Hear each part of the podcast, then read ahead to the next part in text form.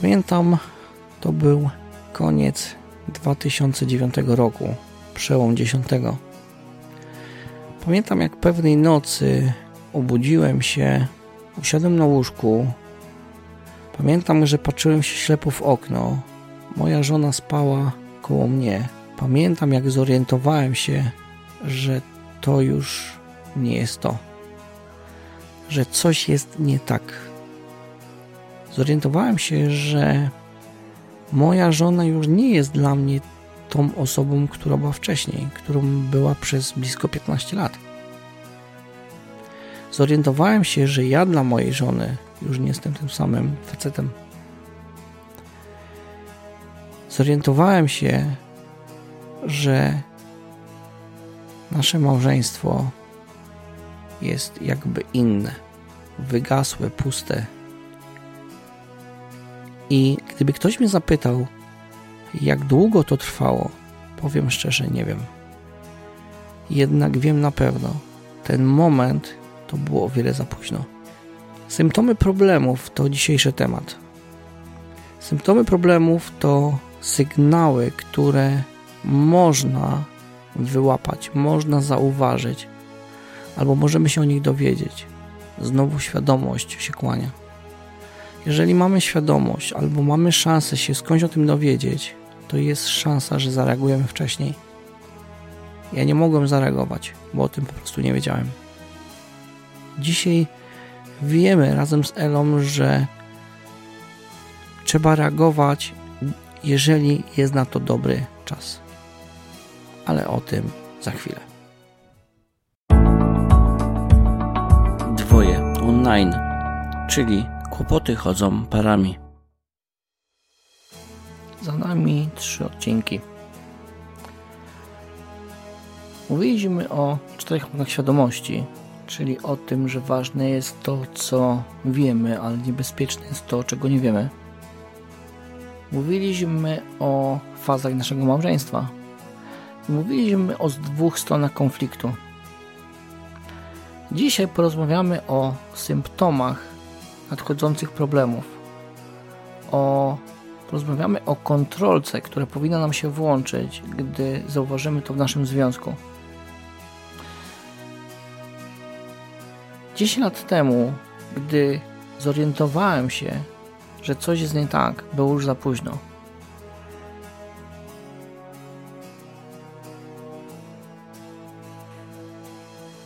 Mój samochód, nazwany związkiem, miał przepalane kontrolki. Nie widziałem tych kontrolek. Były po prostu zaślepione, zaklejone. Gdy zorientowałem się, że mam problem, było już prawie za późno. To, że kryzysy to naturalna kolej rzeczy, o tym już wiemy, że nie da się ich uniknąć i praktycznie są one częścią wpisaną w scenariusz naszego życia. Jednak, aby ten konflikt nie był niszczący, aby z niego wyjść obronną ręką, konflikt, który nie zaszkodzi nam, tylko nas zbuduje, wystarczą tak naprawdę dwie rzeczy. Po pierwsze, musimy mieć świadomość, że kryzysy będą oraz to, że można je przezwyciężać. Nawiążę do pierwszego odcinka, czyli ważne jest to, co wiemy, ale niebezpieczne jest to, czego nie wiemy. W związku z tym postanowiliśmy, że powiemy Wam o kilku symptomach, o kilku sytuacjach, które możliwe, że w Waszym związku się jeszcze nie zdarzyły. Możliwe, że nie jesteście ich świadomi, a możliwe, że nie widzicie, że to może być pewnego rodzaju problem. Czym szybciej się zorientujecie, że coś takiego się dzieje, tym łatwiej jest zaradzić, tym, tym łatwiej jest zareagować. Grunt to nie uciekać od kryzysu, a zawalczyć o to, co ma sens, o siebie nawzajem i o małżeństwo.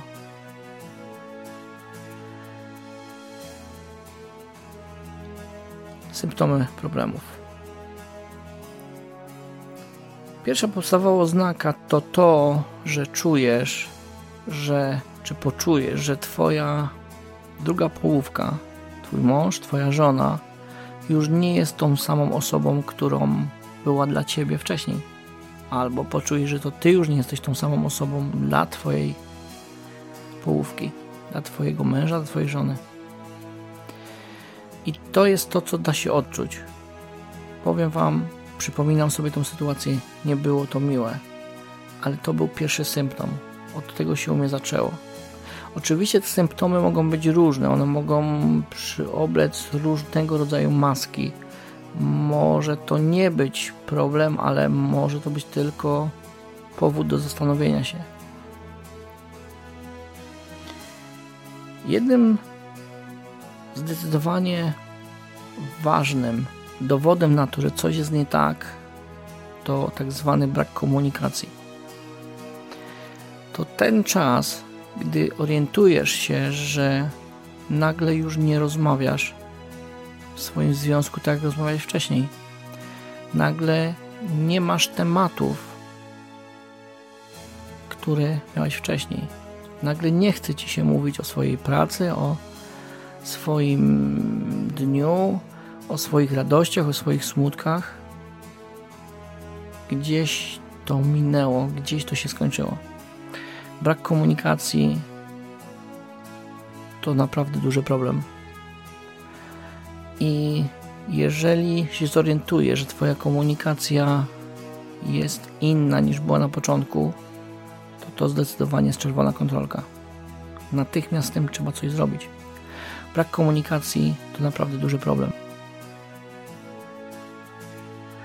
Pamiętam, gdy odwoziliśmy naszą córkę na obóz blisko 370 km w jedną stronę. I jadąc w tamtą stronę, praktycznie nie rozmawialiśmy wcale, bo to było wczesne godziny poranne, więc Julka siedziała z tyłu słowkami na uszach i spała, a my właśnie, a my jechaliśmy obok siebie, nie zamieniając praktycznie ani jednego słowa. Jadąc z powrotem, pamiętam jak mówię, a może będzie możliwość, żeby porozmawiać. I nasza rozmowa zakończyła się dialogiem na temat, czy zatrzymujemy się w McDonaldzie na kanapkę i czy masz ochotę coś zjeść. 370 km praktycznie nie rozmawialiśmy ze sobą. Chyba byliśmy w tym mistrzami. Przez parę lat rozmawialiśmy z sobą tylko i wyłącznie jak lokatorzy. Zresztą nie ukrywam, to było coś, co bardzo denerwowało Ele gdy mówiły mi, że mieszkamy jak lokatorzy i jeszcze więcej mnie denerwowało, gdy ona mówiła, że przecież chyba przesadzam, że przecież my żyjemy normalnie tak jak każdy inny. Był to ciężki okres. Bardzo trudny, ale to już był efekt, a nie skutek. Więc jeżeli w Twoim związku zauważyłaś, zauważyłaś, że przestajecie rozmawiać, że wcześniej rozmawialiście więcej, a teraz jest tego mniej, to to jest zdecydowanie czerwona kontrolka. Innym sposobem, innym symptomem może być to, że rozmawiamy przez pośredników, czyli na przykład przez dzieci. Powiedz tacie, że jest obiad. Idź powiedz mamie, że wychodzimy, idziemy do kościoła. Idź powiedz mamie, żeby się pośpieszyła. Idź spytaj mamy, czy zobaczy z nami jakiś film, który właśnie leci w telewizji. Myślę, że wiecie o czym mówię. To nie znaczy, że czasami nie możemy dzieci wykorzystać do tego, żeby poprosić o jakiś sposób komunikacji, więc tu też nie możemy wpadać w paranoję. Ale te osoby, które doświadczyły tego, to z pewnością zauważą, że coś tu jest nie tak.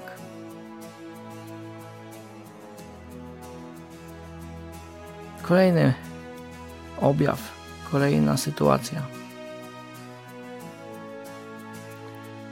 Gdy coś się wydarzy złego, jakaś sytuacja konfliktowa, to czasami się dzieje tak, że zaczyna współmałżonek owijać drugą stronę o to.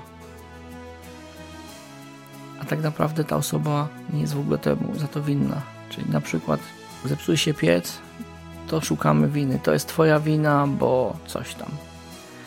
I zwalamy tak naprawdę na drugą osobę winę za wszystko. To, że świeci słońce, to jest jej wina. To, że pada rzecz, deszcz, też jej wina. I tak dalej, i tak dalej. Słuchajcie, gdy mówię teraz z perspektywy czasu,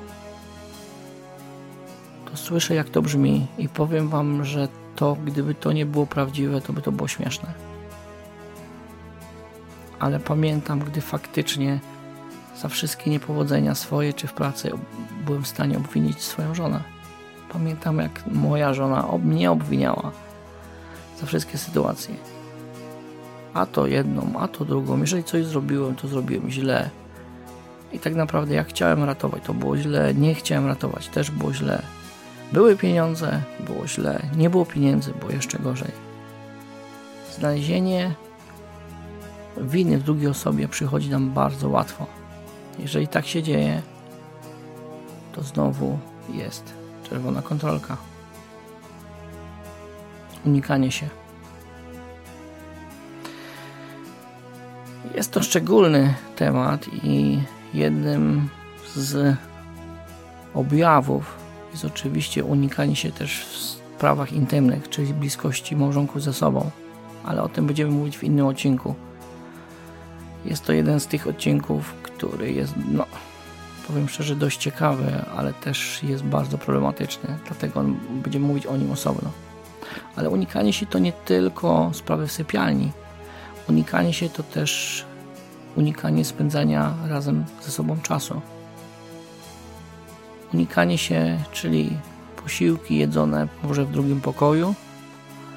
Unikanie się to też komórka, która jest w stanie zaoferować nas, czyli na przykład zamiast porozmawiać z współmałżonkiem siedzimy i klikamy w komórkę albo w grę. Pamiętam, że bardzo to był dla mnie ciężki czas, gdy ja przesiadywałem w sypialni, patrząc tempo w telewizor albo w jakieś głupie programy, a moja żona w drugim pokoju w innym łóżku leżała i grała sobie w grę. Teoretycznie mieszkaliśmy razem. Tak naprawdę nie byliśmy z sobą w ogóle. Żyliśmy koło siebie. Telewizja, telefon, hobby też mogą być taką rodzajem ucieczki od małżeństwa, od bycia bliskości, bycia razem po prostu. Niechęć do rozmowy. Mówiliśmy o braku komunikacji, ale niechęć rozmowy przejawiała się w tym, że jadąc samochodem, nawet do kościoła pamiętam, i praktycznie nie było tematu, na który nie bylibyśmy w stanie pokłócić. Pamiętam reakcję naszych córek, szczególnie młodszej, gdy zaczynaliśmy rozmawiać, zaczęło się, zaczęła się robić atmosfera bardzo podniosła i pamiętam minę swojej córki. Dajcie sobie już spokój. Skończcie już. A my z postawą, przecież to ja mam rację, próbowaliśmy udowodnić jeden przed drugim, kto ma w danej sytuacji rację. Do czego to prowadziło? Do kolejnych sytuacji, do kolejnego czasu, gdzie zamiast być bliżej siebie, oddalaliśmy się od siebie coraz więcej. Życie własnym życiem, czyli tak jakby nie w małżeństwie, czyli podejmowanie decyzji bez konsultacji z drugą osobą, na przykład do czasu terminu wyjazdu dziecka na obóz, czy na temat e, spędzania na przykład niedzieli, albo różne sytuacje, które tak naprawdę może nie były najważniejsze, ale w małżeństwie powinien być dialog, powinniśmy ustalać pewne rzeczy. A przez każdą taką sytuację, że jeden z małżonków podejmował decyzję sam o hobby, o wyjazdach, o czasie spędzanym jako wolny, to to też nie jest przyjemne. Tych symptomów może być dużo więcej, może być bardzo różna sytuacja. I to są te symptomy, które są negatywne, ale może też się okazać, że czasami nasz, nazwijmy to, mechanizm obronny zaczyna zauważać pewne rzeczy, ale w naszej głowie pojawiają się myśli, które tak naprawdę lekceważą cały problem. I same te myśli już powinny nam uzmysłowić, że coś jest nie tak. Może mu jej przejdzie. Coś dzieje się nie tak, coś nie jest tak, jak powinno być, i w pewnym momencie mówimy: A, może mi się tylko wydaje, może ma tylko zły okres. I zamiast reagować, to tak naprawdę kładziemy na tym rękę, sami siebie usprawiedliwiamy. To nie jest dobre, ale na pewno już to jest, nie jest to bezpieczne. Inną myślą, która może przyjść nam do głowy, to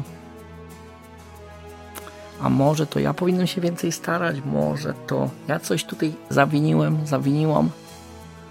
I zaczynamy się tak naprawdę oskarżać, zaczynamy się oceniać. I zamiast porozmawiać ze swoim współmałżonkiem, to zaczynamy gdybać.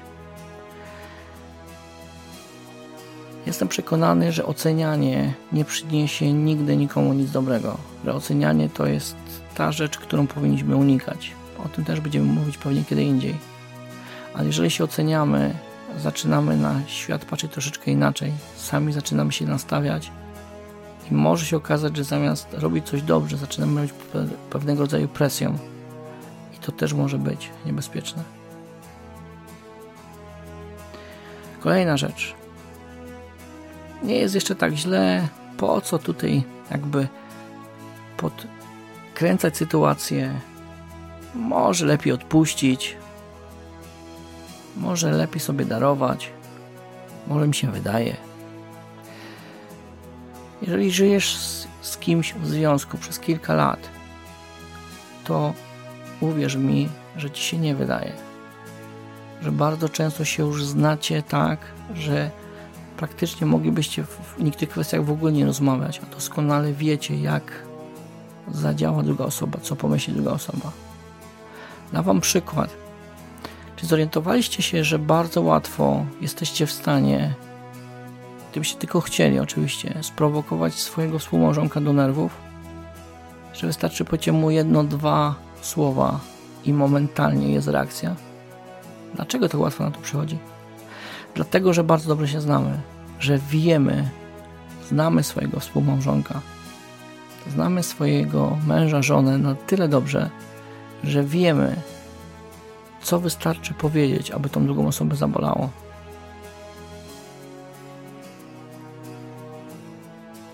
Kolejna postawa, kolejne myśli, które mogą nam przyjść do głowy. Nie mam siły się tym zajmować. Samo przyszło, to może samo się rozejdzie po kościach. Przecież w dzisiejszych czasach to, to, że są konflikty, to rzecz normalna. To, że to jest normalne, to oczywiście tak. Ale jeżeli się okaże, że problem zaczyna narastać, a ty lekceważysz te delikatne objawy, możesz w pewnym momencie się zorientować, że jest za późno. Możesz się zorientować, że coś przekroczyło pewną granicę i wtedy dużo więcej trzeba będzie włożyć w to energii, czasu, aby to naprawić, aby nie uciekać, ale żeby zawalczyć o związek. Przy okazji, gdy opracowaliśmy ten odcinek, rozmawialiśmy z Elą na temat postaw, które mogą być nam towarzyszyć jako współmałżonków w problemie, w konflikcie. I może się mylę, ale udało nam się wyselekcjonować trzy różne postawy, trzy różne typy zachowań i w zależności, która który z tych typów jesteśmy, jest to albo prostsze, albo trudniejsze do zdiagnozowania, ale też pokazuje siłę naszego konfliktu i powagę tego konfliktu. Pierwsza podstawa to jest postawa, która wydaje mi się na szczęście, że się spotyka raczej rzadko, ale się spotyka. Jest to postawa atakującego. To jest, to jest taka postawa, w której jeden z małżonków robi prawie że z premedytacją coś, co rani drugą osobę i jest jej to totalnie obojętne. Patrzy głównie na swoje ego, na swoje zachcianki, swoje odczucia, a w ogóle nie bierze pod uwagę rodziny, związku, współmałżonka. Postawa atakująca. Drugą opcją, drugim zachowaniem, charakterystyką może być postawa uciekającego. To jest postawa, która charakteryzuje się tym, że uciekamy od naprawienia związku, że jesteśmy często, może być to to, że jesteśmy zranieni przez naszego partnera. Jesteśmy zranieni przez naszego współmałżonka do tego stopnia, że mamy już serdecznie wszystkiego dość. Najchętniej to byśmy po prostu ten związek zakończyli, ale może coś nas jeszcze trzymie. Czy to rodzina, czy dzieci, czy jakaś inna sytuacja, albo jakiś wewnętrzny brak spokoju. Ale uciekamy. Chcemy mieć święty spokój, nie chcemy z nikim na ten temat rozmawiać, nie chcemy uczestniczyć w żadnych terapiach, w żadnych rozmowach i najchętniej, żeby wszyscy się od nas odwalili. To jest postawa osoby, która czuje się tak z jakiegoś powodu. I pewnie ma rację. I wreszcie trzecia postawa. To jest postawa, którą nazwałem walczący, czy szukający, może łatwiej, lepiej, szukający rozwiązania. To jest postawa jednego z współmałżonków, który może zawinił danej sytuacji w danym związku, może był prowodyrem, może był raniącym, szczególnie tą osobę uciekającą. Może jest winną rozpadowi. Natomiast to jest osoba, która się orientuje w pewnym momencie, że coś jest nie tak i próbuje o ten związek walczyć. I jeżeli w związku, który przechodzi konflikt, który przechodzi kryzys, przynajmniej jedna z tych osób ma świadomość, że o związek należy walczyć, że można o niego walczyć, to jest światełko w tunelu. Oczywiście to nie ułatwia sytuacji, to nie ułatwia sprawy, to nie spowoduje to, tego, że nagle drugi naszego małżeństwa, czyli ta druga osoba nagle zacznie nas widzieć inaczej. Nie. Natomiast jest to pierwszy krok, czyli jest to, ja to tak nazywam, że musi być w małżeństwie ktoś przysłowiowo mądrzejszy. Czyli to jest taki, który zaczyna sobie zdawać z tego sprawę, że jest coś złego, co się dzieje i może już jest to zaangażowanie bardzo duże, może to już jest problem, który już narasta, ale chcę go niego walczyć. Każda z tych postaw jest inna. Każda z tych postaw charakteryzuje się innymi odczuciami. Każda z tych postaw jest ważna. Jeżeli w naszym związku trafi się na dwie postawy, postawę uciekającą i atakującą, to nasze małżeństwo jest bardzo zagrożone. Jeżeli trafi się, że mamy związek, w którym są dwie osoby szukające, to jest to dobry objaw wbrew pozorom dobry objaw, bo daje największą szansę, że coś z tego będzie. Jeżeli się trafi, że będą dwie osoby burzące, to praktycznie to małżeństwo się nie utrzyma.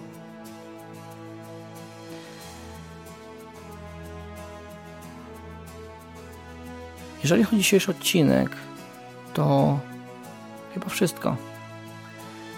Myślę, że pokazaliśmy Wam kilka sytuacji, które powinny włączyć w naszej świadomości przysłowiową czerwoną kontrolkę. powinien to być moment, w którym powinniśmy się zastanowić, czy może aby nie dzieje się coś złego, czy nie warto by było zatrzymać się i próbować porozmawiać, próbować reagować. Oczywiście ktoś, kto może słuchać tego i jest taką osobą, która może jest w konflikcie, powie, chłopie, o czym ty mówisz, ty nie rozumiesz. W naszej sytuacji to jest zupełnie inaczej. Ty nie wiesz, że jak to jest u nas. Powiem ci, masz rację, nie wiem. I nawet nie mam możliwości, żeby się dowiedzieć i powiem szczerze, nawet chyba nie chcę wiedzieć, chyba, że mi o tym powiesz. Może nam chcesz o tym powiedzieć.